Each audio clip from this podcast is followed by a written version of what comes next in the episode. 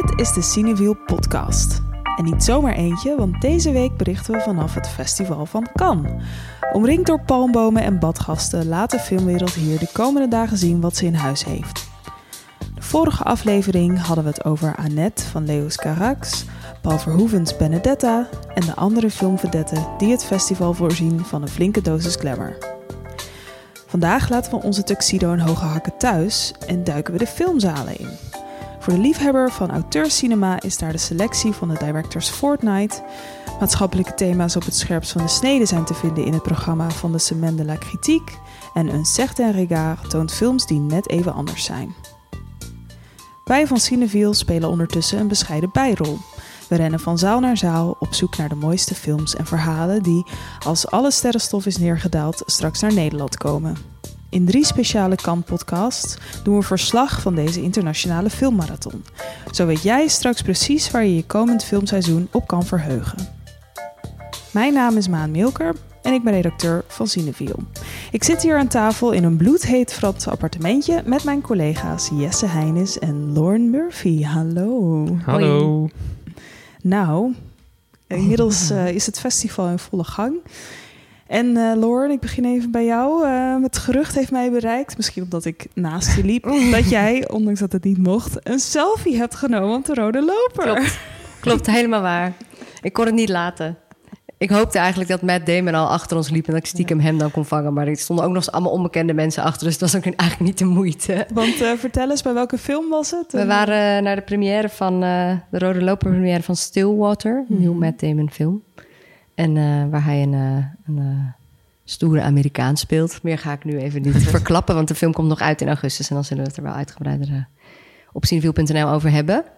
maar hij was aanwezig, wat best wel dit jaar volgens mij best uniek is. Want ze hadden best wel last om A-listers te vinden, hoorde ik. Heel ja. Amerikanen konden natuurlijk ook nog niet vliegen. Of nee. het is in ieder geval wat, wat lastiger dit jaar. Ondanks dat zijn er wel heel veel grote namen. Maar ik weet niet hoe het met het aantal Hollywoodsterren Mm -hmm. um, staat. En hij is natuurlijk nou, hij is gewoon een hele grote naam. Ik vind hem altijd een soort, ook een soort van huisvader of zo. Ja. Tegelijkertijd ja. is het heel grappig dat hij zo'n E-lister ja, is. Uh, maar wij gingen, we waren voor die Roy Loper première uitgenodigd, wat wel heel bijzonder was. Want je gaat dan wel met iedereen mee. Ja. Ik bedoel, het best wel kort op, uh, um, dicht op de hielen van de eerste lichtingsterren. En dan mag, mochten wij, zeg maar. En dan daarna, het eindigde met de grote namen, de regisseur en de sterren van de film. Ja. En die kwamen daarna nog de zaal binnen. We zaten op dezelfde rij. Ja. Dus waar met een gangpad ertussen. Ja, het was dat echt was, wel close. Maar dat was eigenlijk wel jammer, want daardoor konden we hem niet zo heel goed zien. Omdat het dus echt op dezelfde hoogte was. Je voelde zijn presence heel Ja, dichtbij. heel erg. Sowieso ja, omdat alle aura. mobieltjes in de zaal als Oh, ja. een soort zoeklichten naar hem gericht waren. Ja. Dus dat, Ehm, was, uh, dat was wel een hoogtepunt. Maar eigenlijk mijn persoonlijke hoogtepunt was dat ik gisteren naar de film ben geweest waar, uh, waar we het zo over gaan hebben, ook denk ik, de Souvenir 2. En daar Ja. was opeens Tilda Swinton. Niet aangekondigd en in een heel klein zaaltje, dus heel dichtbij. En daarna deed ze nog handtekeningen in de foyer, dat ik dit wel echt kan, hoe ik het Ja. voor me zag. En Dus, eh, eh, Jesse, jij hebt ook al in onze groepsapp een eh, rode loper selfie gedeeld. Ja, dat was vanochtend. Het was zonder... eh, Iets minder glamorous, maar Niet in alsnog pak. wel. eh, wel echt de rode loper waar iedereen overheen gaat. Ja. Nee, ik vind het, vond het wel fijn zo. 's ochtends, ik hoefde geen tuxedo aan of zo. Gewoon Ja. lekker... En jij? Ik, ik, vond het, ik was dus mee met jou naar Stillwater, eh, naar de Rode Loper. Het was voor mij vooral een nogal ehm, niet zo'n glamorous moment, want ik zat vlak daarvoor in een andere film. En toen had ik geen tijd meer om naar het appartement te gaan. Dus ik had gewoon een tas met mijn mooie pak en mijn mooie schoenen mee. Heel mooi pak. En dat heb ik toen in een veel te klein wc'tje heb ik me omgekleed met iemand die op de deur bonste van, want er waren maar drie wc's zeg maar. En ze had mij kennelijk naar binnen zien gaan of zo, want zo van, joh, is het bezet of niet? En, eh, dus dat was, eh, was grappig. Zal niet Achter de, enige schermen, het verhaal van eh kan Ja. maar... Ik heb Som- toen wel even op de wc een selfie gemaakt in mijn ondergoed, gewoon van dit, dit. This happened. Ja. Ja. maar wat ik wel grappig vind aan al deze dingen is dat kan is een beetje zoals eh, weet ik veel van die steden die dan heel veel in films zijn voorgekomen of zo. Weet je, voor het eerst naar New York gaat, dat je denkt, ik ken dit. Ik ben Ja. hier al heel vaak geweest. En dat heb ik hierbij kan het gewoon alles, weet je, de, de mensen op de Ik ken Matt stoeltjes, de mensen op de stoeltjes, de mensen met bordjes die kaartjes willen. Ja. Het is een soort van, het voelt ergens heel vertrouwd. Omdat je het zo vaak op foto's hebt gezien en bij de ceremonies. Zo. Dat is wel heel grappig. Maar vandaag gaan we het niet over de sterren hebben, toch? Nee, klopt. Maar wel nog leuk om te noemen dat we zijn ook eh, langs Cinema de la Plage gelopen. Dat is hier een programma op het strand. Waar dan klassiekers die ooit op het Cannes Film Festival hebben gedraaid, die, eh, worden, die zijn er in reprise. Ehm, dus bijvoorbeeld ehm, Black Cat, White Cat, eh, Scarecrow zijn allemaal oudere films die daar dan te zien zijn. Ook in The Mood for Love van Wong Kar-wai die nu in Nederland ook deze zomer te zien was. Of Zo nog. romantisch op het strand. aan Ja, de zee. maar dat is zo mooi. Maar daar kan je dus ook als eh, niet-filmprofessional heen, wat er superleuk aan is. En ook zelfs al heb je geen ticket weten te bemachtigen voor eh Cinema de la Plage, wat volgens mij sowieso moet lukken, want het zat helemaal niet vol. Dan kan je ook gewoon vanaf het strand, zelfs vanuit de zee, kan je Ja, die film kijken. je kan gewoon zwemmen en kijken. Dus mocht je nog een vakantiebestemming zoeken voor volgend jaar en je bent heel erg filmliefhebber, Ja. Toch gewoon gaan. Het is Ja, ook gewoon heel ja. mooi hier. Zeker, ja. Ja. Maar eh, ik kan me voorstellen dat juist ten tijde van, eh, van het festival... dat het niet heel makkelijk is om hier een goedkope overnachting Nee. te vinden. Dus houd daar ook rekening mee. Ja. Eh, maar goed, we hebben het nu toch weer wat gehad over de glitz en de glamour. Eigenlijk willen we het vandaag hebben over de films. Want er is natuurlijk zoveel meer dan die rode lopers. Ehm, ik had het net al even in de intro genoemd, maar er zijn dus naast de hoofdcompetitie, waar de Gouden Palm het eh, ultieme sluitstuk van is, mm, zijn er nog andere competi- competities, waardoor, waarvan sommige georganiseerd worden door de organisatie van het festival zelf. Sommige die worden georganiseerd door andere organisaties die daar ook een jaar taak aan hebben natuurlijk om dit allemaal eh, gedaan te krijgen. Maar je, het mooie is dat je daar allemaal naartoe kan met je badge ehm, als je hier rondloopt. Dus je merkt als bezoeker eigenlijk niet dat het allemaal verschillende competities zijn, omdat je gewoon overal via hetzelfde ticketing systeem naar binnen kan. Ehm, Jesse, misschien kunnen we even bij jou beginnen. Jij bent naar eh, een film geweest uit de, of uit de selectie Een Certain Regard. Ja, klopt. Misschien kan je daar wat over vertellen. Ja, ehm, misschien goed om te zeggen dat een de Regard is... Het voelt een beetje als het nummer twee competitie onder de Gouden Palm eigenlijk. Mhm. Omdat het ook van de eh, andere programma's die we ook vandaag noemen... is het de enige die ook echt wordt georganiseerd door het Festival van Cannes, zeg maar. Die ook Ja. de hoofdcompetitie doet. En ja, een de Regard, het, het, het betekent, of het vertaald is het een andere blik. Mhm. Het is zeg maar het programma met films die eh, ja, wat alternatiever zijn, die Ja. wat eigenzinniger zijn. ehm, en misschien ook wat kritischer op, Ja. op het onderwerp dat ze belichten. En eh, de Gouden Palm, of de hoofdcompetitie, is toch meer de grote namen. Daar zul je sneller de twintigste film van François Ozon zien. Of ehm, de vijftigste film van de Gebroeders Dardenne. En, Ja. en eh, een soort Regard is toch net eventjes wat alternatiever. Ook wat kleinere titels. En ook iets meer van over de hele wereld, heb ik het idee. Ja, het is misschien ook wel, als je kijkt naar de hoofdcompetitie, zitten daar ook best wel veel, niet alleen Engelse, Franse en Amerikaanse producties tussen. Alleen is dat misschien ook met de jaren steeds meer zo geworden of zo, kan ik me voorstellen dat het iets meer in elkaar over... Ja, je valt misschien ook wat sneller weg als kleine film in de hoofdcompetitie. Terwijl je bij een mm. Sutter Ricard ben je alweer snel een wat grotere film als je daar. Eh, en soms gebeurt dan ook dat je dan die eerste film gaat dan misschien in première in een Sutter En dan de volgende, als die heel goed valt, dan mag je daarna door naar de hoofdcompetitie. Ehm, ja, en ik heb dus de film On, eh, Onoda gezien, een, eh, de openingsfilm van een Regard. Ricard.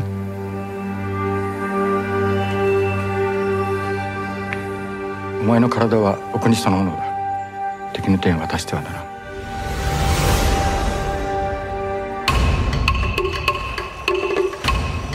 私が派遣されたのは防衛徹底コースの準備をするためです。君は経験不足で何も分かってない。ルソンは敵の手に渡りました。大規模な攻撃が予想されます。Dat is van de Franse filmmaker Arthur Harari. Dat is de zoon van een bekende acteur, Clement Harari. Ehm, het is pas zijn tweede film. En het opvallende is dat het eh, eigenlijk een Japans verhaal is. Dus een Franse, ja, het is een internationale co-productie, ook met Japanse, Japans geld, Japanse productie. Maar ehm, wel echt een Frans regisseur. En ehm, Over de Tweede Wereldoorlog ook? ja, of? het gaat over, over een, een, een Japanse soldaat die aan, het- een beetje aan het einde van de Tweede Wereldoorlog naar het Filipijnse eiland Lubang eh, wordt gestuurd. Ehm, en hij moet daar de boel nog een beetje redden. Wat er te redden valt. De Amerikanen staan voor de deur. Ehm, maar eigenlijk is de oor- oorlog al een beetje verloren. Maar hij heeft een soort van de opdracht meegekregen om, om nooit op te geven. Hij moet daar stand houden, wat er ook gebeurt. En nou goed, eh, al vrij snel zijn die Amerikanen er en gaat het helemaal mis. En in plaats van dat hij besluit om zich met zijn team of met zijn, met zijn groep over te geven, besluit hij zich terug te trekken in de jungle en daar zo lang te blijven en zo lang als een soort van mug de lokale bevolking te irriteren met kleine guerrilla-acties, besluit hij daar uh, ja, besluit hij dus te blijven, net zolang tot Japan de oorlog gewonnen heeft. Mhm. Um, en ik moet erbij zeggen, het is gebeurd, gebaseerd op een waar gebeurd verhaal. En um, ja, wat er dus eigenlijk gebeurd is, het begint een beetje als een, een beetje een reguliere oorlogsfilm, waarin allemaal mannen naar elkaar snauwen, met orders snauwen van nee, ik doe dit, nee, ik doe dat. En de Amerikanen komen eraan, maar het wordt, het, het duurt namelijk best wel lang voordat uh, deze soldaat besluit om op te geven. En, en, en dat is zeg maar de kracht van die film, dat het eigenlijk langzaam steeds uh, absurder wordt. Wat Ja. zeg maar het hele idee van, van die soldaten. En ook hij is, hij is niet alleen, hij is met nog een paar anderen. En uh, wat wel mooi is, wat de regisseur heeft ook heel veel oog voor de intimiteit die dat met zich meebrengt. Want die soldaten die uh, zijn niet alleen met elkaar, ze slapen ook met elkaar in hetzelfde hutje wat ze samen hebben gebouwd. Of hutje, echt een, een professionele hut die ze daar uh, samen maken. Ze slapen met elkaar, ze, ze maken elkaars kleding, want die gaat natuurlijk kapot. Um, dus ja, het is aan de ene kant een, een soort van zo'n ja, een beetje klassieke oorlogsfilm in, in de jungle, maar ook mm. ja, heeft toch ook iets heel absurdistisch. Uh, ook omdat op een gegeven moment proberen ze van buitenaf wel duidelijk te maken aan die, aan die soldaten van uh, hey, de oorlog is voorbij, kom uit de jungle, maar ze geloven dat niet. En zij, zij nemen dat tot zich tot als fake news. Ze gaan kijken van hier zitten codes in. Ah, ja. Dat is onzin. Hey, ze zeggen dit, maar ze bedoelen eigenlijk dat. Nee, we moeten echt wachten tot, um, ja, tot we echt ja. Uh, we zeker weten dat Japan uh, terug. Uh, zeg maar de en in relatie tot de selectie, um, het is dus onderdeel van een zegt Ricard. Je Ja. zegt net van dat zijn films die misschien ook een duidelijke stelling nemen of die de kijker echt iets uh, willen duidelijk maken. Weet je dat het uh, is, is dat iets wat je ook duidelijk in de film terug zag, of nou, dat je ik- snapte waarom het in deze competitie zat en niet bijvoorbeeld in waar we het zo meteen over gaan hebben, Cement la kritiek. Ja, ik, ik weet niet. ehm, het is geen pamflet of zo. Het niet per se. Mhm. Het is meer echt een, een goed gemaakt portret van die, eh, van die man die dus echt heeft bestaan. Eh, en nou ja, ik kan, ik, kan wel, ik kan wel zien waarom het bijvoorbeeld niet in de hoofdcompetitie draait. Het is geen spectaculaire film. Het is Ja. best wel een lange film. Eh, het is best wel klassiek gefilmd. Het neemt echt zijn tijd. Eh, wat ook wel bijdraagt aan dat gevoel van... dit is een, een, echt een episch verhaal... Wat, ja, wat ook echt gewoon lang heeft geduurd. Dus ik vond dat heel goed werken. En dus misschien in die zin dat het... ehm, ja, niet echt materiaal is voor de hoofdcompetitie... maar meer een stapje terug. Iets, iets eigenzinniger, iets... eh, ja, van misschien wat een kleiner publiek ook. Dus Ja. ja, ja ik, ik snap wel dat hij, dat hij niet in de hoofdcompetitie draait... maar wel bij een shirt en Ricard, ja. Mhm. Ja. En, en denk je dat we hem terug gaan zien in Cineview? Uh, ik weet wel zeker. De release datum is volgens mij iets van begin september. En okay. ik ga ook de regisseur interviewen, ook, omdat Ja. we gewoon weten dat die film straks ook in Nederland te zien is. Dus vandaag uh, spreek ik hem. Ik ben wel benieuwd hoe hij hier bij dit project be- betrokken is geraakt. Want het is echt een Japans verhaal. En waarom is dat dan door een Fransman? Uh, ja, hoe komt hij daarbij om dat, uh, dat te verfilmen? En um, ja, ik ben benieuwd wat hij Ja. te vertellen heeft ook over, het, over de opnames. En um, ja, misschien ook nog leuk te vertellen dat uh, een soort de Regard bijvoorbeeld ook uh, in het programma uh, de film Lamb, die heb jij gezien, Lauren, waar Ja. dan ook heel veel buzz omheen is. En After Yang, Amerikaanse film van de Amerikaanse filmmaker uh, Kogo, Kogonada. Mhm. Ik weet niet of ik het goed zeg, maar um, In die had... uh, Korea geboren. Ja, Korea geboren Amerikaanse filmmaker die hiervoor Columbus heeft gemaakt. Die heeft bijvoorbeeld ook op Eve erg gedraaid. Een film over artificial intelligence. En die, ja, die draait dan in dat klein programma, maar die wordt dan toch al vrij snel opgepikt door de media. Dan Ja. gaat, het gaat over, onder andere over artificial intelligence. En Colin Farrell speelt erin. En Een Jodie. soort science fiction, toch? Ja, maar Ja. dan wordt ook meteen gezegd... oh, de beste film over AI sinds Ex Machina, weet je wel. Dus dan, Ja. ook dat soort films komen dan toch ook wel... Ja. wordt er ook gewoon hype omheen gebouwd. Lam en ehm, After Yang zitten allebei ook bij A24. Ah, kijk, Waar wij een podcast over hebben gemaakt. En waarin we ook hebben uitgelegd hoe goed die zijn in buzz creëren. Ja. Dus en Lam dat is die- een IJslandse film? Ja, dat is een, eh, een IJslandse horror, familie, drama. Heel kleinschalig, vrij traag. Het deed me een beetje aan The Witch denken, qua stijl. Ehm, ja, dus die komt hopelijk ook wel in de filmtheaters Mhm. in Nederland. Ik heb ook het idee dat een, een certain... mijn Frans is echt zegt... un certain regard. Mhm. Ehm, niet alleen maatschappelijke thema's, maar vooral ook een soort van... eh, soort uniek, unieke stijl ook Ja. of zo. Iets wat dan gewoon eigenlijk net iets te gek is soms Ja. voor de hoofdcompetitie. Dat is een beetje het gevoel wat ik erbij heb. Maar ik heb wel, je vroeg net van, weet je, is het dan duidelijk in welke, competi- of welke Mhm. programma een bepaalde film dan zit? En ik moet zeggen dat het me wel een beetje duizelt Ja. af en toe. Want je hebt nu dan ook de Acide. Mhm. Dat is ook een, lijkt dan heel erg op de Kanzane, de Directors Fortnite. Maar waar Dan het dan minder geld. Iets Ja. minder geld misschien, precies. Iets minder indie nog, meer low budget. Ehm, Oké, dan is dat dus het verschil. Maar ik ben zo benieuwd wat er aan vooraf gaat bij dat programmeren. Ja, Want er is natuurlijk een hele lijst aan goede films die klaar staat op de stapel. En ze lijken in sommige opzichten wel een beetje op elkaar. Dus hoe, wie heeft er dan first pick? Waarschijnlijk kan. Hoe werkt dat precies? Weet je, waarom... Weet je, is het wel bijvoorbeeld best wel een statusding voor een Ja. maken... Om in, om in een bepaalde programma wel te zitten en in een ander niet? Of voelt het dan een beetje alsof je het afdankertje bent? ja. Ja, dat zijn natuurlijk allemaal ins en outs die we niet, eh, Nee, die niet we niet hebben. eh, nee. Maar als eerste keer kan, is het best wel puzzelen. soort van, oh, oké, wacht. Dat, waarschijnlijk krijg je na een paar jaar wel zo'n gevoel van... ah, dat zit, zo'n film zit automatisch dan ook in dat theater. Want het hoort bij, ja. Ja. eh, bij dit programma. Maar momenteel vind ik dat nog een beetje lastig te...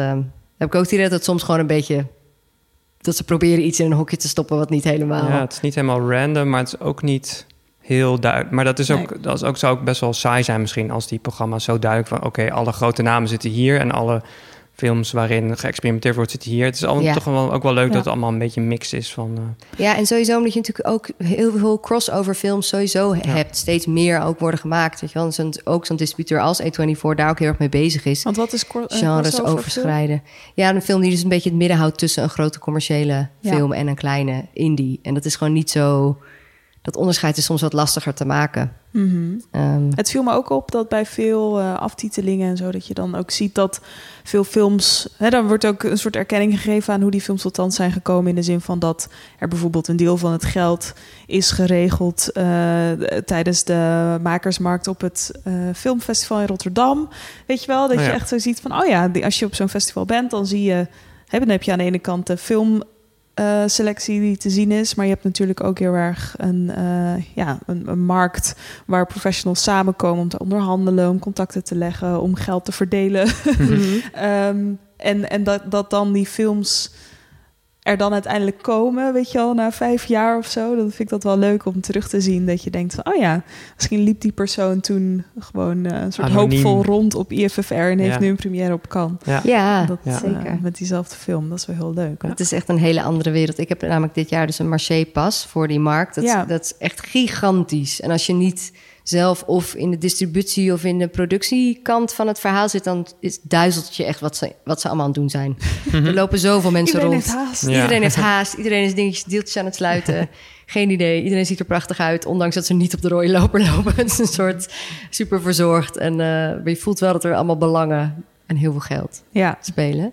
En elke, je hebt dan een documentaire hoek en een festivalshoek. En iedereen heeft een soort van zijn eigen eilandje. er worden kleine zaaltjes afgehuurd Ja, om waar dingen gebeuren. die- ene documentaire te vertonen waar dan vier mensen op Ja. afkomen. Ja, precies. En dan, En veel geheime vertoning, volgens mij ook van waar je dan een non- non-disclosure agreement voor moet tekenen. Oh, weet je, want ja. de film eigenlijk nog niet af is. Bij heel veel van die ja, nog net niet in post producties die dan door grote distributeurs natuurlijk wel bekeken moeten worden. Dat kan dan hier natuurlijk het beste. ja, Dat is echt eh, een hele andere wereld.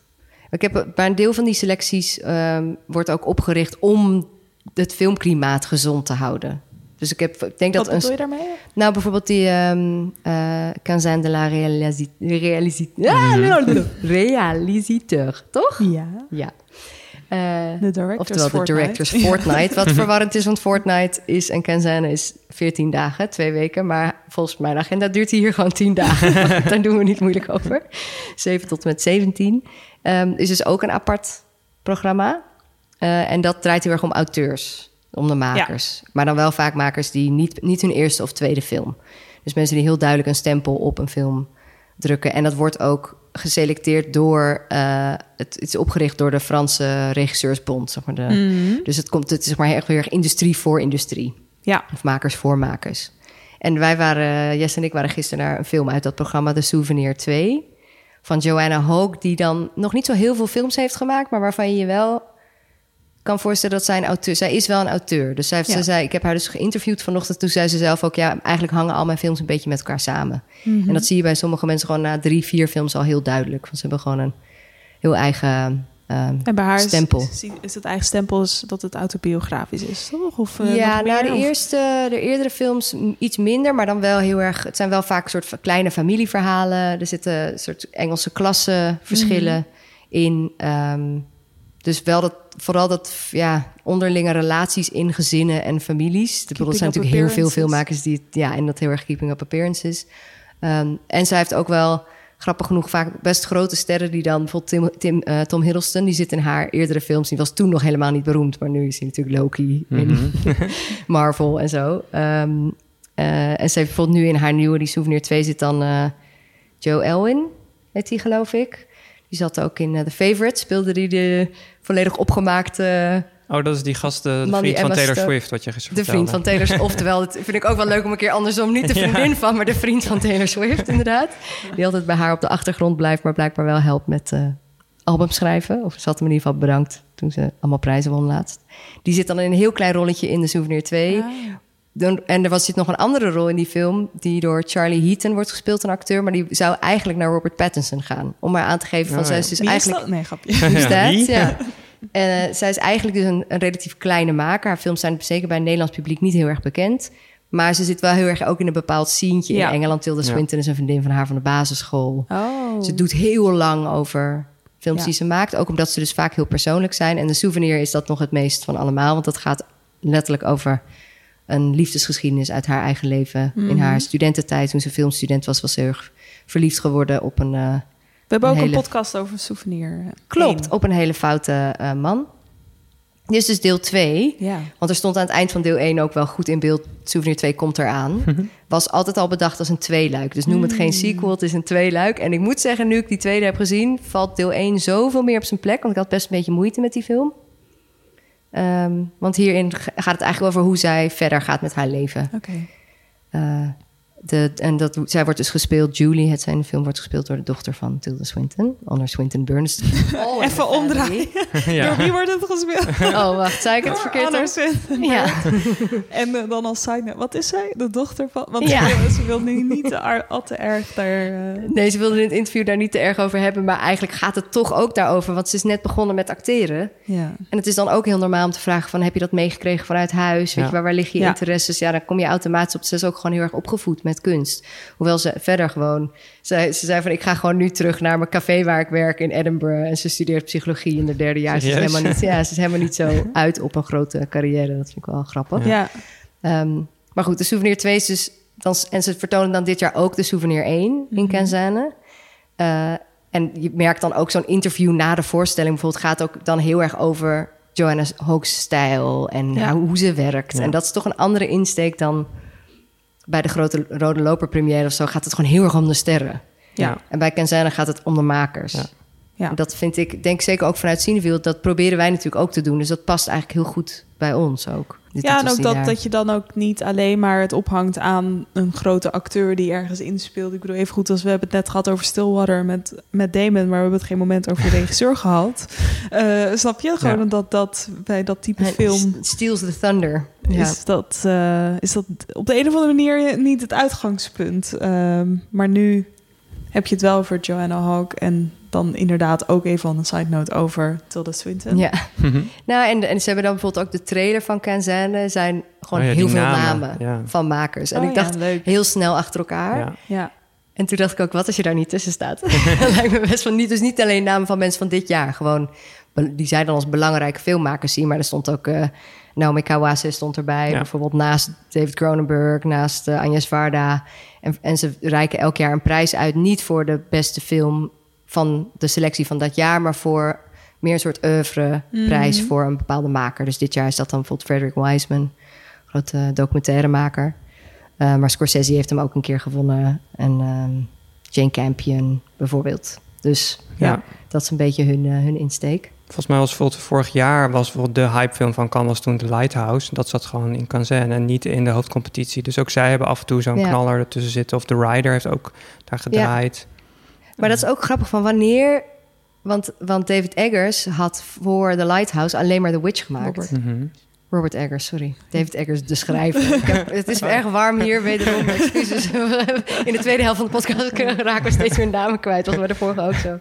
Ehm, Robert Eggers had toen alleen nog maar The Witch gemaakt... Mhm. voordat hij de Lighthouse... Toch? Ja, voordat hij Ja, maar het zijn ook wel, het zijn niet gearriveerde auteurs. Het zijn gewoon auteurs, toch? Die ze, want Chloe Zhao was ook pas haar tweede film, The Rider. En Ja, maar hoe, dus kan je, dan zou je, dus, zou je kunnen stellen dat je op basis van één film al kan zeggen... dit is iemand die eventueel in de kazerne belandt.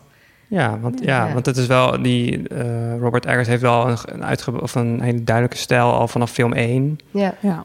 Ik, Ja. ik was bijvoorbeeld naar een andere film ook uit deze selectie geweest. eh, Clara Sola. Dat is een film uit Costa Rica van een Costa Ricaans-Zweedse maker. Ehm zij heet Nathalie Alvarez Messen. En dat was ook een film waarvan je denkt van... eh, ja, het, het ging over een soort godswonder in de jungle. Of ik noem het dan jungle, maar gewoon in de... eh, echt in de dichtbepakte natuur van Costa Rica. Ehm, en dat was dan iemand die was neuroatypisch, om het eh, zo te zeggen. En ze had een hele sterke connectie met de natuur. En had, ze was 40 en had een soort seksuele awakening voor het eerst. Ehm, mensen vergeleken het ook met eh, Carrie, die film. Mhm. Ehm, en ja, daarbij za- zag je ook dat er waren gewoon zulke duidelijke keuzes gemaakt in Stijl. stijl, in Mhm. gevoel wat er werd neergezet. Heel consistent, heel goed ook qua eh, ja, filmische aspecten. Dus heel goed gefilmd. Het, waren, het was met een deel non-acteurs, een deel met de hoofdrol wordt gespeeld door een danser. Ehm, dus ook daarin was het niet per se conventioneel. Maar toch komt daar dan zo'n zo'n rond, ja, echt een product wat blijk geeft van een bepaald makerschap uit. Dat ik heel goed snapte waarom dat in deze competitie zat. Mhm. Maar aan de andere kant dacht ik ook van dit is ook weer zo'n film waarvan het me ook helemaal niet zou verbazen als je die helemaal niet meer ergens terugziet of zo. Los van een festival waar die draait Mhm. eh, of een genrefestival waar het gaat om natuur of zo, weet je wel. Dus dan dacht ik van, oh ja, dit is niet per se die die dat die zijn niet de meest commerciële films vaak. ja, niet ja. Maar dat is natuurlijk dat, dat is ook als je hele uitzonderlijke keuzes maakt en heel dicht eh, dingen op een bepaalde manier wil doen, dan ligt dat Mhm. ook op de loer. Misschien dat het, Ja. dat het soms, soms niet het, een groot publiek bereikt. En soms wel. Ik bedoel, de Souvenir 1 heeft uiteindelijk ook eh, heel klein, maar in Nederland gedraaid, omdat I hem bij het Previously Unreleased programma had opgenomen. Terwijl die wel overal van de, van de critics echt vijf sterren had gekregen Ja. of zo. Ja. Een andere selectie waarvan je eigenlijk ook niet zo goed weet wat er met die films gaat gebeuren nadien. Weet je, komen ze terug in de bioscopen? Gaan ze het festivalcircuit rond? Of eh, gaan ze meteen naar eh, streaming bijvoorbeeld? Dat is eh Semaine de la Critique. En dat is een eh, selectie die is opgezet door filmcritici. En het is nu al de zestigste keer dat dat wordt georganiseerd. En is dus al, ja, is eigenlijk een hele gevestigde site. eh, ja, selectie Mhm. bij Cannes. Side hustle. Side hustle. Het was wel leuk. Ik was bij, eh, bij de première van een eh, film wat zich afspeelt in Djibouti. En het is van een eh, Somalische maker. Ik ga daar Aiderus Ahmed. En eh, hij was ook aanwezig, had zijn hele familie meegenomen. Eh, de acteurs waren er ook uit de film. Dat was heel bijzonder. Want ze vonden het allemaal ook heel bijzonder omdat het zo lang onduidelijk was of ze wel konden komen vanwege eh, corona. En daar was ook, dat was ook de, volgens mij de eerste film die dan draaide van, eh, ja, van de Semaine de la Kritiek. Dus de voorzitter was er ook en ook de burgemeester van Cannes, wat heel grappig was. Ah. Want dat was echt een, ik vond het een soort, eh, ja, een soort stereotype autoverkoper, weet je, met zijn zonnebril en gebleekte tanden, die zo'n heel vlot praatje hield. En er was ook een vertaler die dan alles live in het Engels vertaalde. Dat deed ze echt heel goed. Maar hij vertelde dat afgelopen jaar dat de inwoners van Cannes ermee hebben toegestemd om meer belasting te gaan betalen, zodat er meer subsidie kon gaan naar eh, publieksprogramma's rondom het eh Cannes Filmfestival. Want dat is wel leuk dat Semaine de la Kritiek eh, is ook open voor mensen zonder badge. Dus zij hebben een select aantal zijn er ook. Kenzijne ook. Dus eh, ze hebben een select aantal kaartjes, wat dan hè, een deel voor studenten, een deel voor eh, bewoners van Cannes. Of juist, weet je wel, dat je beetje iets meer... Weet je, dat je de film een beetje deelt met ja, want met die hele anderen. stad wordt wel overhoop gehaald. eh tien Ja, dagen precies, lang. We lopen ja. allemaal heel gehaast. eh, Al die badgasten omver.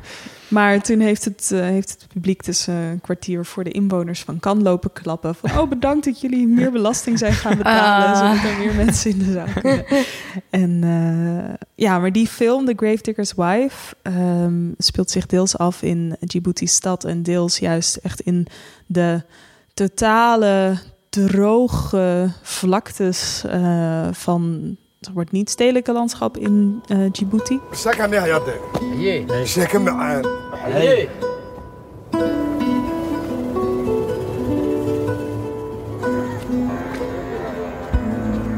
waxaan haysanaya protector meydkaan ugaadhsadaa si aan runideeda ogala sab. Wiil yar waanan tusaale u nog een keer dhalay xaaskaygii baa dhimasho qarka u saaray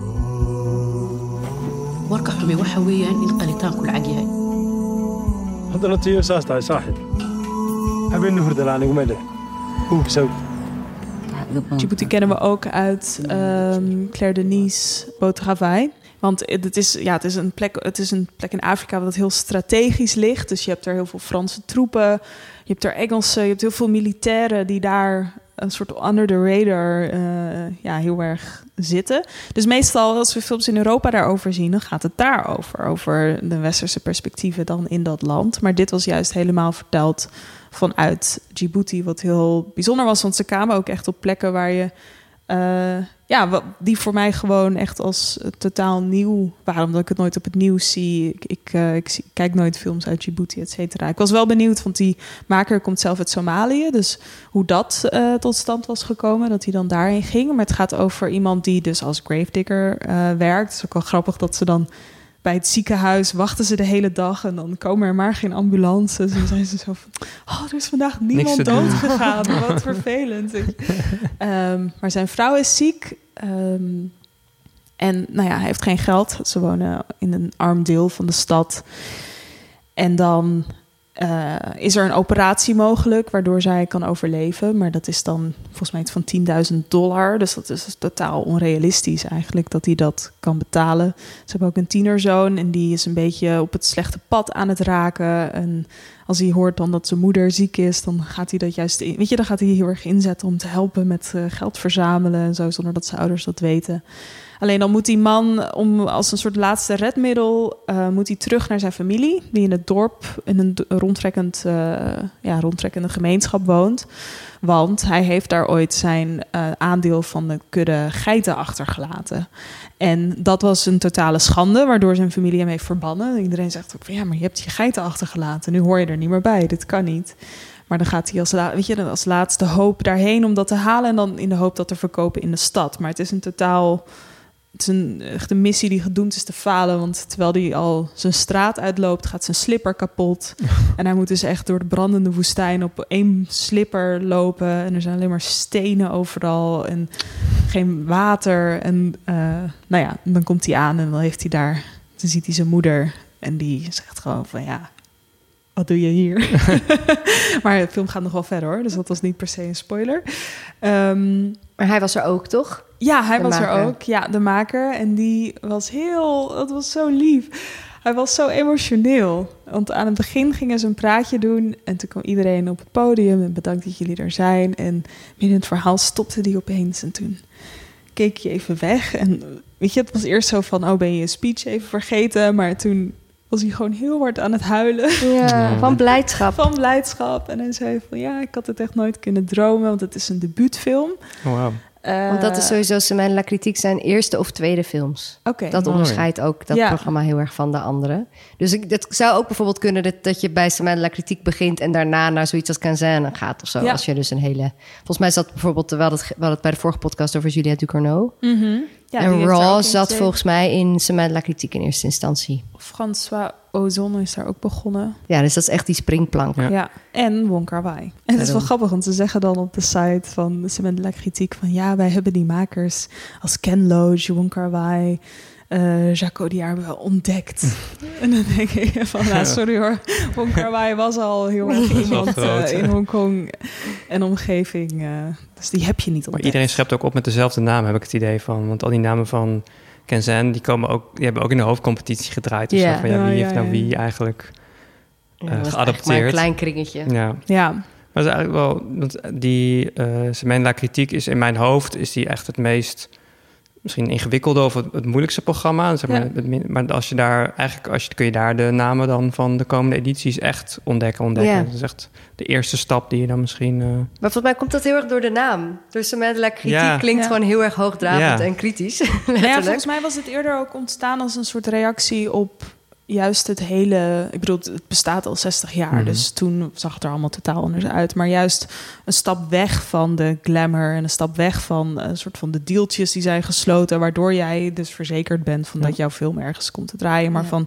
ja, wij als critici willen ook wat eh, om handen hebben. Weet je, we willen niet alleen maar de kaskrakers die misschien inhoudelijk iets minder diepgang hebben soms eh, willen we ook juist films die totaal op het scherpst van de snede van maatschappelijke thema's eh, Ja. zitten, die willen we juist kunnen bespreken. Dus die moeten naar Cannes komen. En Het is eigenlijk een hele belangrijk, belangrijke selectie dan Ja. dus.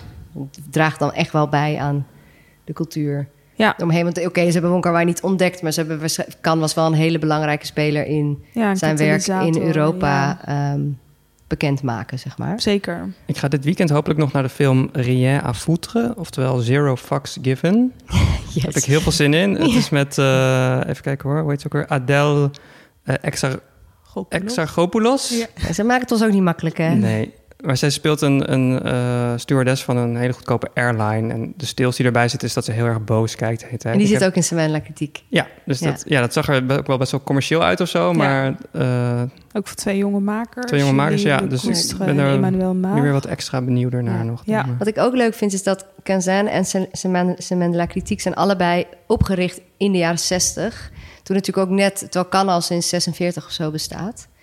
De, jaren 60 en 70 was natuurlijk ook heel erg die soort van onafhankelijke film. En dus, Ja. dat staat heel erg daar. Dat vind ik wel een leuk idee. Dat er toen gewoon, we gaan het, wij gaan dit op een andere manier doen. ja, maar nu past er echt het- niks meer bij. Nee, want nu Geen, is het gewoon eh, hartstikke normaal. Het is allemaal super, eigenlijk nou niet mainstream, maar wel heel erg gevestigd geworden. Waardoor Ja. er dus steeds meer nieuwe, kleine, het is bijna niet meer te overzien. Ja. Want je hebt dan ook nog de special vertoningen. Ik heb geen idee wat dat is.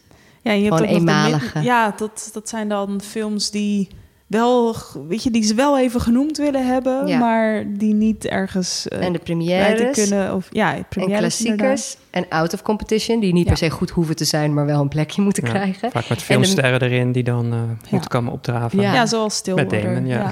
En dan heb je ook nog de midnight screenings. Waarvan ik dacht, of je ook gewend bent van alles wat er na middernacht op een festival draait. Het is heel bloederig en extreem en zo. Maar er zitten ook gewoon hele, vooral hele rare films tussen. Daarvan heb ik het idee dat het gewoon de films zijn die ze op geen enkele manier in een van die andere 25 boxjes konden zetten of zo. Ja, want jij bent naar Midnight Screening geweest? Ja, ik ben overdag naar midnight screening geweest. Heel verwarrend, maar zo'n marktscreening van een film die dan in de midnight competitie draaide. Tralala, ook een musical. Het is een goed jaar voor musicals, maar een he- gewoon heel vreemd. Ja. Eigenlijk best wel saai. Mm, Eh, heel Frans. Ik kan er niet zo heel veel meer over vertellen. Ik denk niet dat die te zien gaat zijn. Maar wel leuk om dat dan ook op kant te kunnen kijken. ja. En de, The Gravedigger's Wife, komt die naar Cineville, denk je? Of wat?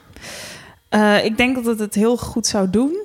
Maar ik vraag me af, omdat het uit een land komt... wat je eigenlijk bijna niet in Nederlandse filmtheaters terugziet. Ja. Dus het zou me heel goed doen als het te zien is. Want ik denk wel dat het echt een cinefiel Ja. film is. Maar eh, ja, ik weet niet of, of, daar, of dat voor distributeurs... eh, zoals het er nu allemaal uitziet... eh, ja, of dat op hun horizon Dat een ligt. goede koop is. Sowieso zijn dit wel de programma's waar de distributeurs volgens mij ook heel erg Ja. op letten. Ja. Die zijn gewoon alleen maar heen en weer aan het rennen van welke... We krijgen ook af en toe toch berichtjes binnen van... oh, deze film gaan we misschien ook Ja, aankopen. En dat zijn dan... de films in de hoofdcompetitie zijn al zijn waarschijnlijk al een jaar beklonken. Weet je wel, bij wie die terechtkomen. ja. Dus dit lijkt me ook als je een distributeur bent... de spannendste ja zeker. plek om te, te zoeken. Ja, maar daarop inspelend, dus op, op de première van die film, waar de regisseur zo ontzettend blij was, eh, dacht ik misschien is het leuk om even kort tussendoor een geluidsfragmentje te laten horen in plaats van drie, wat we normaal doen. Van een eh, nogal iconisch moment van iemand die ook emotioneel wordt op een podium bij een grote filmceremonie. Kunnen jullie het raden? Sally Fields of zo? Die ging ook heel erg. Wat zei die? die Gwyneth zei, Paltrow. You really love me. You really love me. Ja, ik weet al wie het is. Ik ga, dus, ik ga het niet raden. Dus Lauren mag nog één poging doen. Eh, ik weet het niet.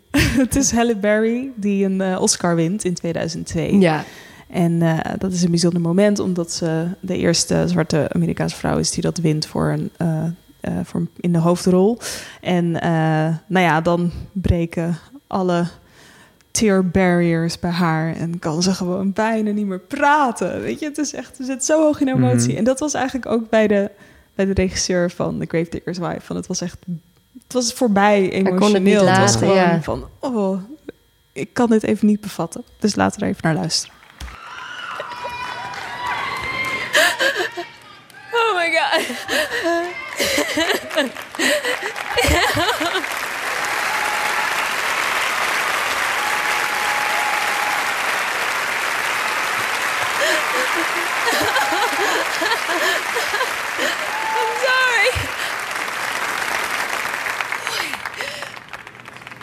This moment so much bigger than me.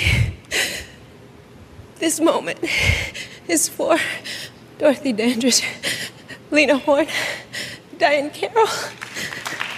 It's for the women that stand beside me Jada Pinkett, Angela Bassett, Vivica Fox, and it's for every nameless, faceless woman of color that now has a chance because his door tonight has been opened.